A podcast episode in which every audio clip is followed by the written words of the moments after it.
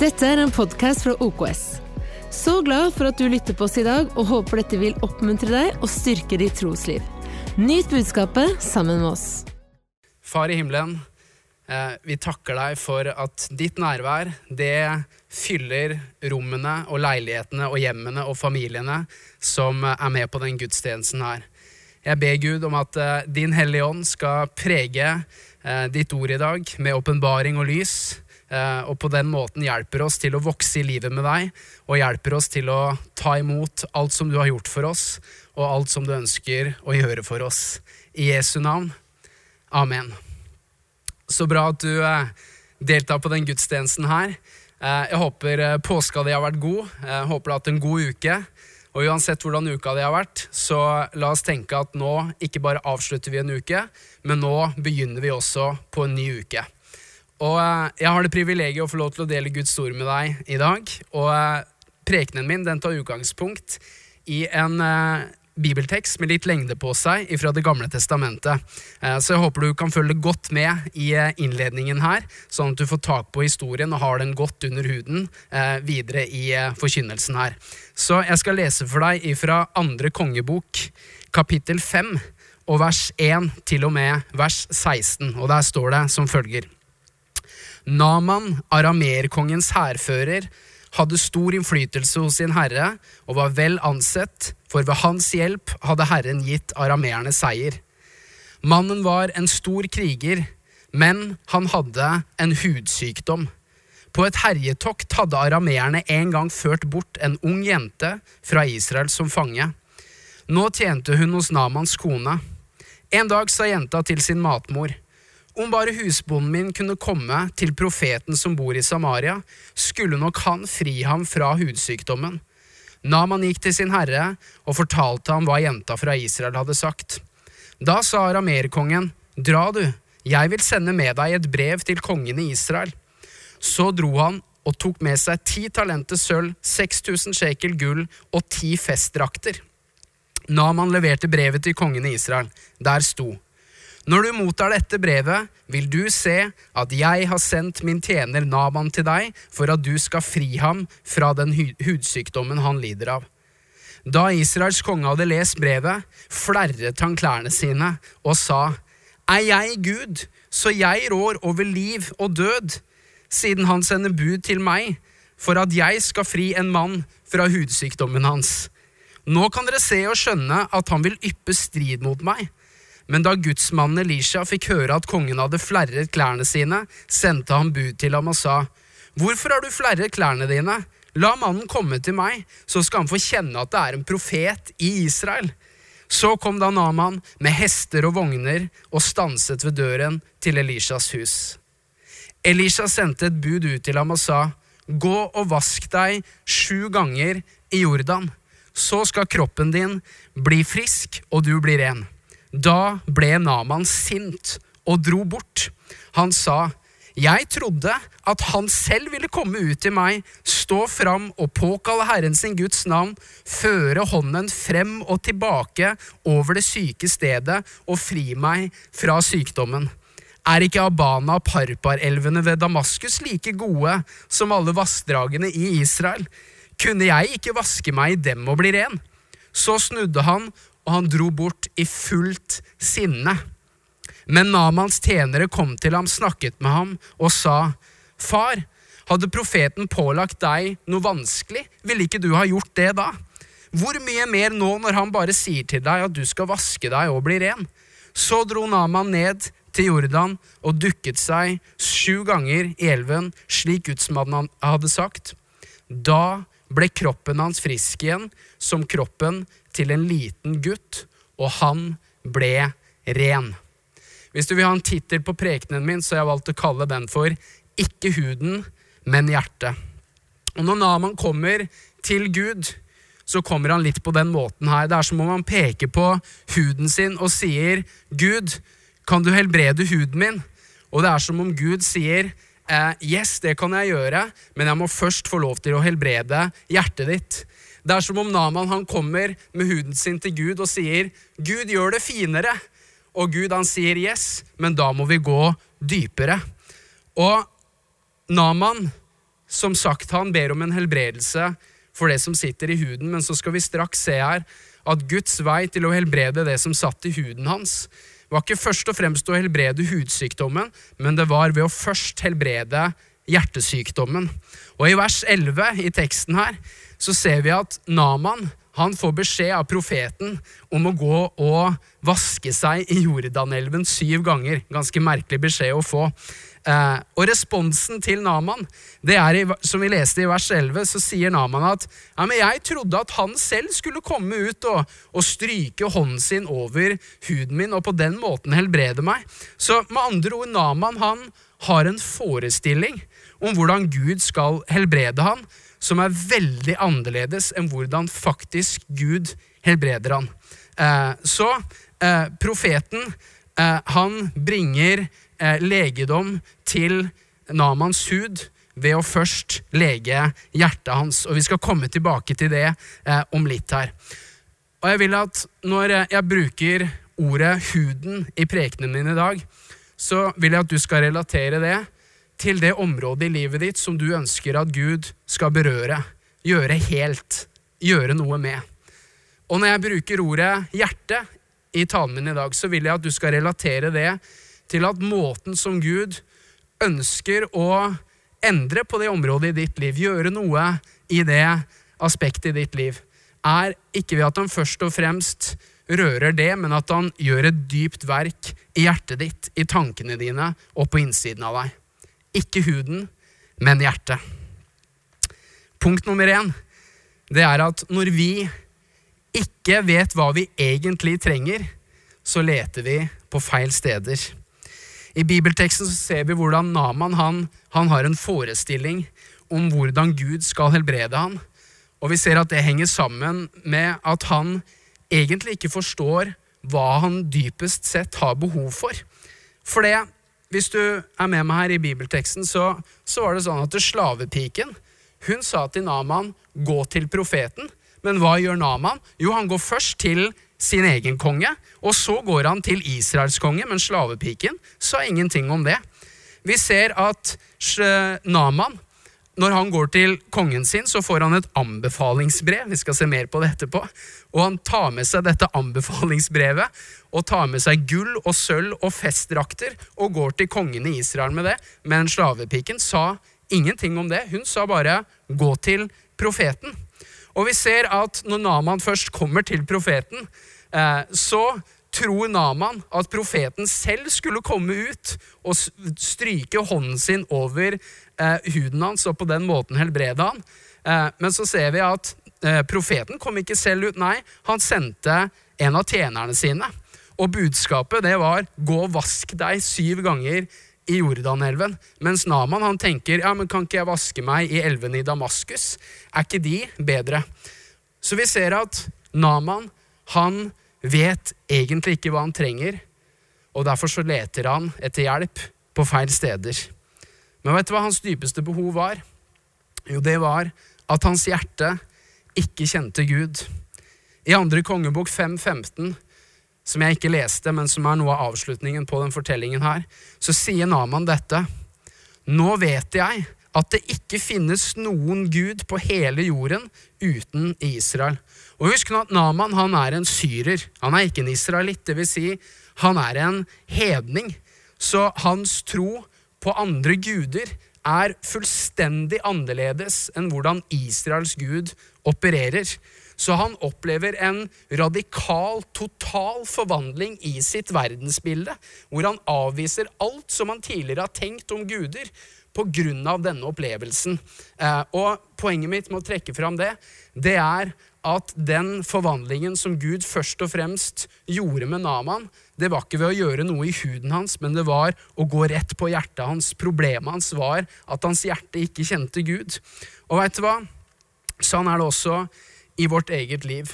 Noen ganger så vet vi egentlig ikke hva vi trenger. Og Derfor så har vi våre egne forestillinger og ideer om hvordan Gud skal fylle det behovet vi har i livet. Eh, og så søker vi og leter vi på feil steder, eh, og kanskje også hos feil mennesker. Eh, men vet du hva? Gud han vil hjelpe oss og vise oss hvordan vi kan slippe, oss, slippe han til først og fremst på hjertet. og helbrede det, sånn at det som sitter i huden, også etter hvert kan bli lekt og helt. Og i, i Lukas evangelium kapittel 5 eh, så kan vi lese en historie om hvor Jesus han helbreder en mann som er lam. Fire venner kommer med sin venn på en seng, bringer ham fremfor Jesus i tro om at Jesus skal helbrede ham. Og når de har brakt ham fremfor Jesus, så sier Jesus dette til den lamme mannen. Lukas 5, 20, så står det sånn her. Da Jesus så deres tro, sa han, venn, syndene dine er tilgitt. Jeg veit ikke med deg, men, men, jeg liker å tenke litt sånn her. Hvordan hadde responsen til den lamme mannen vært hvis de hadde vært norske? Jo, jeg tror responsen deres hadde vært litt sånn her når de hørte Jesus si, venn, dine synder er deg forlatt. Jeg tror de ville ha tenkt litt sånn her. Uh, du, Jesus, det der med tilgivelse, det, det er en fin ting. Det, det er en god verdi. Så, så, vi kan godt ta med oss tilgivelse som, uh, som litt sånn visdom, uh, som, ekstra, ekstra, som en ekstra bonus her. Det, det, er en fin ting, Jesus. Men, men, men, men faktisk, Jesus, så er det sånn at denne mannens virkelige behov var ikke først og fremst det, men, men, som du ser, han er lam. Han trenger å bli eh, helbreda. Og du er jo en helbreder, så kan ikke du bare gjøre greia di, Jesus, og, og helbrede han, sånn at han virkelig kan få sitt behov møtt? Og det er som om Jesus sier til dem at nei, vet du hva? Hans primære behov er ikke først og fremst at han begynner å gå igjen. Dere tenker at hvis han begynner å gå igjen, så får han et godt liv. Men ingenting er viktigere enn å ha en god relasjon med Gud. Dette er på en måte Jesus som sier problemet sitter ikke i huden, men det sitter i hjertet. Og det betyr at Jesus ikke bryr seg om det som satt i kroppen til denne mannen, for vi ser at han helbreder han, og han begynner å, å gå etter hvert. Eh, og jeg tror at noe av det vi lærer av den historien der, det er at Jesus han ønsker å, å vise oss at det dypeste behovet på tross av andre behov vi har i livet, det er at hjertet vårt blir kjent med Gud. Ikke huden, men hjertet. Punkt nummer to. Det stikker dypere. Måten vi kommer til Gud på noen ganger med våre behov, det er litt som Naman kom til Gud med sitt behov. Det er som om han peker på huden sin og sier, 'Gud, gjør det finere', og det er som om Guds respons er å peke på hjertet hans og si yes, jeg skal gjøre det finere, men da må vi gå dypere. Og Vi skal straks vende tilbake til eh, Naman her og se hvordan han får sitt gjennombrudd. Men under forberedelsene til, eh, til den prekenen her, eh, så har jeg reflektert litt over eh, det moderne kroppspresset. Og jeg er klar over at det er et sensitivt tema. Eh, men veit du at det å være misfornøyd med sitt eget utseende og sin egen kropp. Det er så vanlig i vår tid at for noen år siden så utvikla man et eget navn på det, som heter normativ misnøye. Som faktisk handler om at det er mer normalt i vår tid for mange å være misfornøyd enn fornøyd med sin egen kropp og med sitt eget utseende.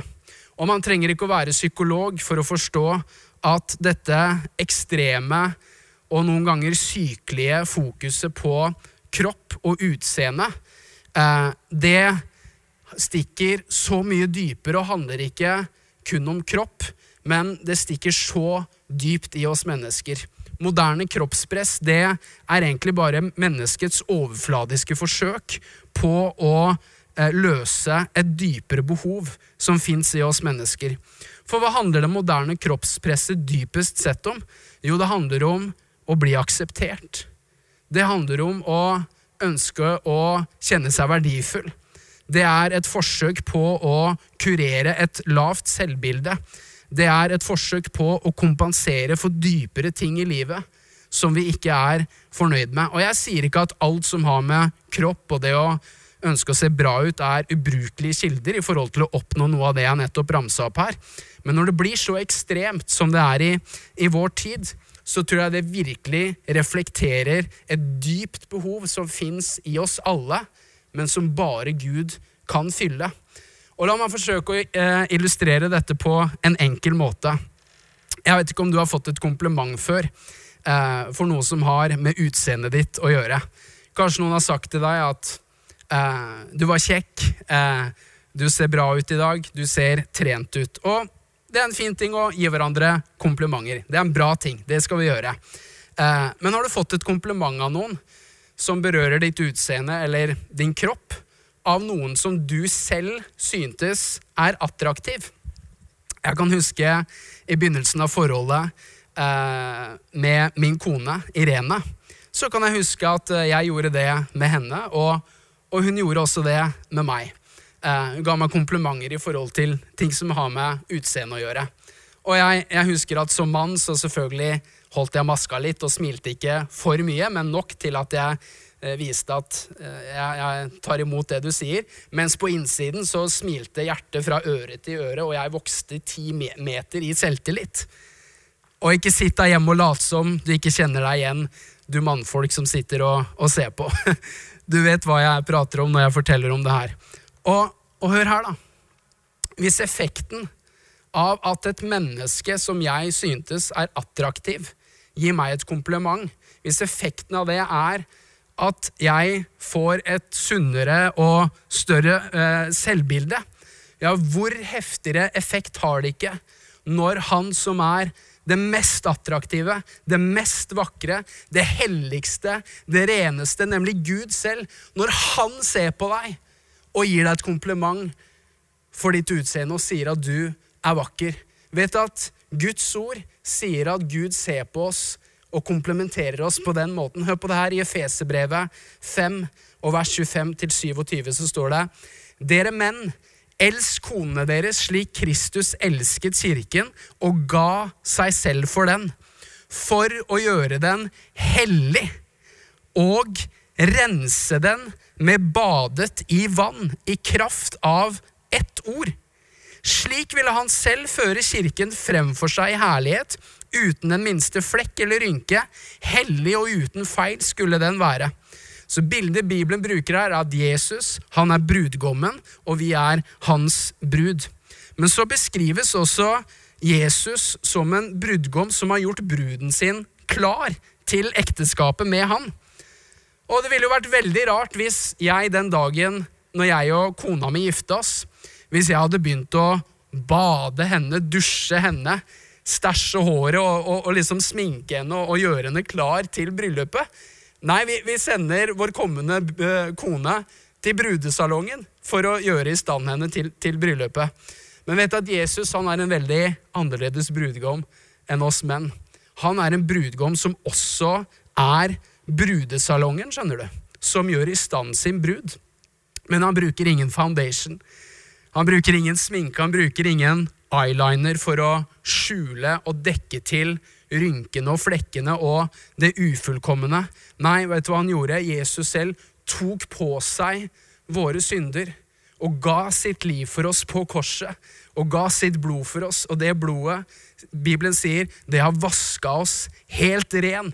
Det har gjort oss hellige og feilfrie framfor Guds ansikt. Og det har gjort at vi står fremfor Guds ansikt uten en eneste rynke, uten en eneste eh, flekk. Og veit du hva? Dette gjør noe med vårt eget selvbilde. og jeg har lyst til å si til deg som kanskje skulle slite med komplekser i forhold til ting som har med kropp og har med utseende å, å gjøre. Eh, jeg vet at eh, det kan være tungt å, å leve med det, men, men, hør Guds ord til deg. Ta dette til deg. Fordi yes, det betyr noe at eh, mennesker gir oss komplimenter for disse tingene. Absolutt, det gjør det. Men veit du hva? Ingenting slår at i Guds øyne så står vi der som en ukyssa, strøken brud som er rynkefri, uten flekk på seg, og som er hellig og feilfri, og som det stråler av. Veit du hva? Hvis det at mennesker gir deg et kompliment for ditt utseende, hvis det løfter ditt selvbilde, ja, hvor heftigere effekt har det ikke når han som er det vakreste og det mest attraktive, når han ser på oss og sier du er vakker, du er smashing, du er nydelig, du er en herlig brud for meg som jeg har rensa og vasket og stilt fremfor meg selv. Og jeg veit at når, vi, når jeg snakker om det som har med kropp og utseende og toucher litt innom det moderne kroppspresset, så jeg er klar over at det er et sensitivt tema. Og jeg, jeg vet at det kan berøre ting eh, hos mennesker som, hvor det er ting man kanskje ikke kan noe for og ikke kan gjøre noe med. Men så vet jeg også at man, jeg kan berøre, eller at vi berører ting som man også kan gjøre noe med. Og kan jeg få oppmuntre deg som skulle ha komplekser med din egen kropp og med ditt eget utseende, og hvor du samtidig innerst inne egentlig vil gjøre noe med det, og du vet at du kan gjøre noe med det. Eh, det kan, det kan ha med livsstilen din å gjøre, det kan ha med mosjon, trening, spisevaner, søvnvaner eh, osv. osv. Og på den ene siden så finnes det masse gode råd, og det overlater jeg til ekspertene. For problemet er jo som regel ikke at vi, vi ikke vet hva vi skal gjøre. Eh, problemet er jo kanskje heller ofte at vi finner ikke motivasjon til å gjøre det. Og jeg tror at det som jeg nettopp leste for deg her i Efeserbrevet 5 og vers 25, det har kraft i seg til å gi deg den motivasjonen du mangler for å faktisk gjøre det du kan gjøre noe med, som er relatert til kroppen din og, og eventuelt utseendet ditt. Fordi det står i teksten her at Kristus elsket kirken og ga seg selv for den. Og det at Jesus ga sitt liv for oss på korset, det handler om at Gud har kjøpt oss med en høy pris. Og jeg har lagt merke til i mitt eget liv at hvis jeg har en ting som er kjøpt med en høy pris, så har det en evne til å påvirke måten jeg forvalter den tingen på. Jeg kan tenke på noen klokker som jeg har hjemme. Jeg liker klokker. Eh, og jeg har en eh, ganske fin klokke hjemme. Den er ikke veldig dyr, men den kosta litt. Og jeg kan fortelle deg at den tar jeg godt vare på. Hvorfor? Jo, fordi jeg kjøpte den med en høy pris. Så når jeg ikke bruker den, så ligger den i en sånn fin boks hjemme på en sånn fin pute. Jeg forvalter den godt, og den har ganske få skrammer og riper i seg. Men så kan jeg tenke på en annen klokke jeg har, som jeg ikke kjøpte for en høy pris, men som er veldig billig. Og når jeg bruker den og tar den av meg, så slenger jeg den fra meg på alltid fra nattbordskuffen og på kjøkkenbenken. Og hva skjer? Jo, det kommer en ripe her, en skramme der. Og hva er poenget mitt? Jo, desto høyere eh, prisen er på noe, desto høyere verdien er på noe, desto bedre forvalter vi noe. Og veit du hva? Guds ord forklarer oss at når jeg og du ser enda mer inn i den enorme verdien og prisen som Gud satte på oss, så har det direkte innflytelse på hvordan jeg og du forvalter livene våre, og til og med kroppen vår. For hvor, hvor, uh, hvor dyr er du? Hva er prisen på, på ditt liv og på mitt liv? Jo, den er skyhøy. Den var så høy at Jesus betalte prisen for livet vårt med sitt eget liv ved å gi det for oss på korset. Og i 1. Korinterbrev 6,20 så står det sånn her Paulus sier, for dere ble kjøpt for en høy pris. Gi derfor Gud ære i deres kropp og i deres ånd, for begge hører Gud til. Så her sier Paulus, gi derfor Gud ære. Og jeg liker alltid å stille meg selv det spørsmålet her når jeg leser derfor i Bibelen. Hvorfor derfor? Hvorfor gi Gud ære med kroppen? Jo, på grunn av det som står først. Og hva var det? Jo, der sto det 'for dere ble kjøpt med en høy pris'. Gi derfor Gud ære med kroppen din. Så kan du se det at det å åpne opp øynene for den høye prisen Gud kjøpte oss med, nemlig ved Jesu død på korset, det har direkte innflytelse på hvordan jeg og du forvalter også kroppen vår. Så til deg som mangler motivasjon til å kanskje ta tak i det du trenger å ta tak i, og du vet at du også kan ta tak i i forhold til kropp og helse, men du mangler motivasjonen, få opp øynene dine for den enorme, skyhøye verdien og prisen som Gud har satt på ditt liv, og la frukten av det få være at du får motivasjon til å ta enda bedre vare på kroppen din og helsa di. I Jesu navn. Det tror jeg er frukten av å se hvor høy pris Gud har kjøpt oss med. Amen. Ok, punkt nummer tre. La Guds nåde treffe hjertet ditt. Vi leste i Feserbrevet 5, 27 om Jesus som ville føre kirken frem for seg selv i herlighet, og at den skulle være uten feil. Den skulle være hellig og feilfri. Og vet du at Kristen tro det handler ikke om at vi skal prøve å fremstille og, og presentere oss selv fremfor Gud med, basert på våre egne prestasjoner, og så skal vi liksom bli godtatt og akseptert. Nei, kristen tro handler om å tro på Jesu prestasjon for meg, og at det var Guds måte å fremstille meg fremfor seg selv som hellig og uten feil. Og det er en side av Guds nåde. Og tilbake til Naman i bibelteksten vi har lest på. Vet at Naman han gjorde det stikk motsatte.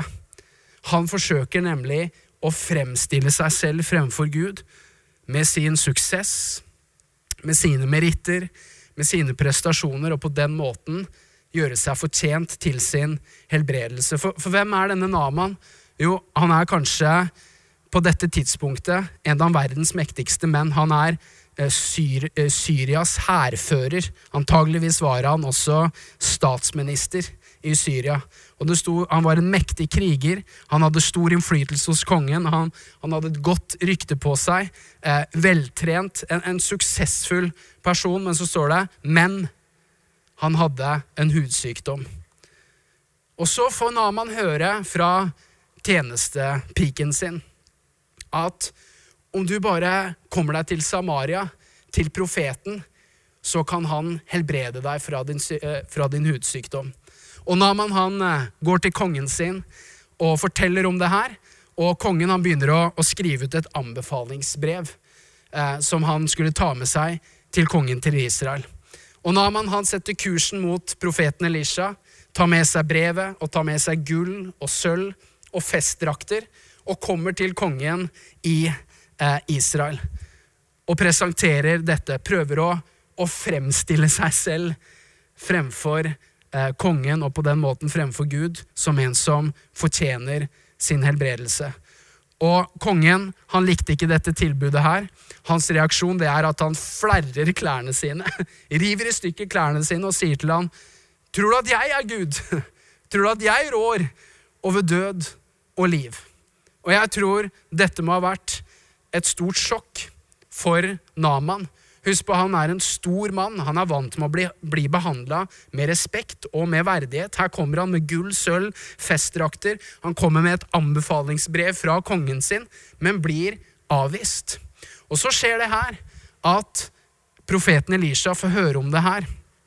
Og profeten han inviterer Elisha, eh, unnskyld Naman, eh, til å komme, komme til ham. Og vi hopper inn i bibelteksten igjen, for det I andre kongebok 5 og vers 9-12 så står det da om Naman som setter kursen mot eh, profetens hjem. Vi leser. Så kom da Naman med hester og vogner og stanset ved døren til Elishas hus. Elisha sendte et bud ut til ham og sa, Gå og vask deg sju ganger i Jordan, så skal kroppen din bli frisk, og du blir ren. Da ble Naman sint og dro bort. Han sa, jeg trodde han selv ville komme ut til meg, stå fram og påkalle Herren sin, Guds navn, føre hånden fram og tilbake over det syke stedet og fri meg fra sykdommen. Er ikke Abana og Parpar-elvene ved Damaskus like gode som alle vassdragene i Israel? Kunne jeg ikke vaske meg i dem og bli ren? Så snudde han seg og dro bort i fullt sinne. Og jeg tror at sjokket til Naman det bare fortsetter ved denne opplevelsen her. Fordi For det første så får han ikke den verdige behandlingen som han tenker at han fortjener i kraft av at han er en stor mann. For det hva skjedde? Jo, han tenkte at profeten selv skulle komme ut, men profeten sendte ut tjeneren sin. Og dette var under, eh, under Namans verdighet, og han blir sint. Jeg tror han blir skikkelig fornærma, rett og slett. Men, men, la oss nå se, dette er bare hans steg på vei imot retningen av at Guds nåde virkelig treffer hjertet hans. Så han blir fornærma. Eh, og for det andre så forventet, eh, forventet Naman at Elisha han ville nok ta imot disse pengegavene, eh, unnskyld, gullet og sølvet, eh, og utføre et eller annet slags magisk eh, triks og rituale og føre hånden sin frem og tilbake over det syke stedet og, og gjøre han ren. Men du ser, han blir avvist, og han blir fornærma, og vers 12 sier han dro bort i fullt sinne. Hvorfor så sint? Hvorfor så fornærma? Jo, for det som skjer her, det er at hele hans verdensbilde blir utfordra. Han blir konfrontert med en gud som er full av nåde. Naman blir sint fordi han trodde at han skulle bli bedt om å gjøre en eller annen stor ting for, som sto i stil med hans forståelse av gudstro og det å ha favør hos Gud. For hør hva tjeneren til Naman sier når da Naman i fullt sinne er på vei hjem pga. Av avvisningen og fornærmelsen. I vers 13 så står det at Namans tjener kom til ham, snakket med ham og sa, Far, hadde profeten pålagt deg noe vanskelig? Ville du ikke da ha gjort det? Så tjeneren til eh, Naman han visste at hvis Naman hadde fått beskjed om å gjøre noe skikkelig vanskelig, noe, så ville han ha gjort det, for det står mer i stil med hans forståelse av å bli velsigna av, av Gud. Men Elishas budskap det var en kraftig fornærmelse mot Naman. Og jeg tror Naman kanskje tenkte litt sånn her Vaske seg i Jordan. Jeg mener selv selv et lite barn kan gjøre det. En, en hvilken som helst idiot kan gjøre det. Det er noe alle kan gjøre. Det krever ingen eh, prestasjon. Det krever ingen egenskaper. Nettopp. Og det er det som er Guds nåde for alle mennesker på alle steder. Å bade seg i Jordan. Det kan virke som noe veldig overfladisk noe, men vet du hva? Når profetens tjener sier til Naman 'gå og bad deg i Jordan syv ganger', dette var Guds måte å gå rett på det som satt i hjertet til Naman. Hvorfor det? Jo, fordi dette her var på den ene siden veldig lett, men for Naman var det veldig vanskelig. Dette gikk løs på stoltheten til Naman. Det var noe som var under hans verdighet. Hvorfor skulle han, som var så mektig, dykke seg i Jordan syv ganger? Eh, kom han ikke for å bli helbredet for huden sin? Jo, og Gud helbredet huden hans, men Gud helbreda ham på en måte som stakk så mye dypere enn en fysisk helbredelse i huden. Vi ser at Gud først helbreder det som sitter i hjertet hans, hvor hjertet hans blir kjent med Gud. Så selve naturen i helbredelsen, den handlet om å vise Naman at hans relasjon til Gud, den var ikke basert på nåde. Og så ser vi til slutt at Naman, han får sin helbredelse. Han ydmyker seg, handler på Guds nåde, dykker seg syv ganger i elven, og huden hans blir ren som huden på en ung gutt. Ikke huden, men hjertet. Og La meg avslutte med å stille det spørsmålet her. Hvem er den store helten i fortellingen her?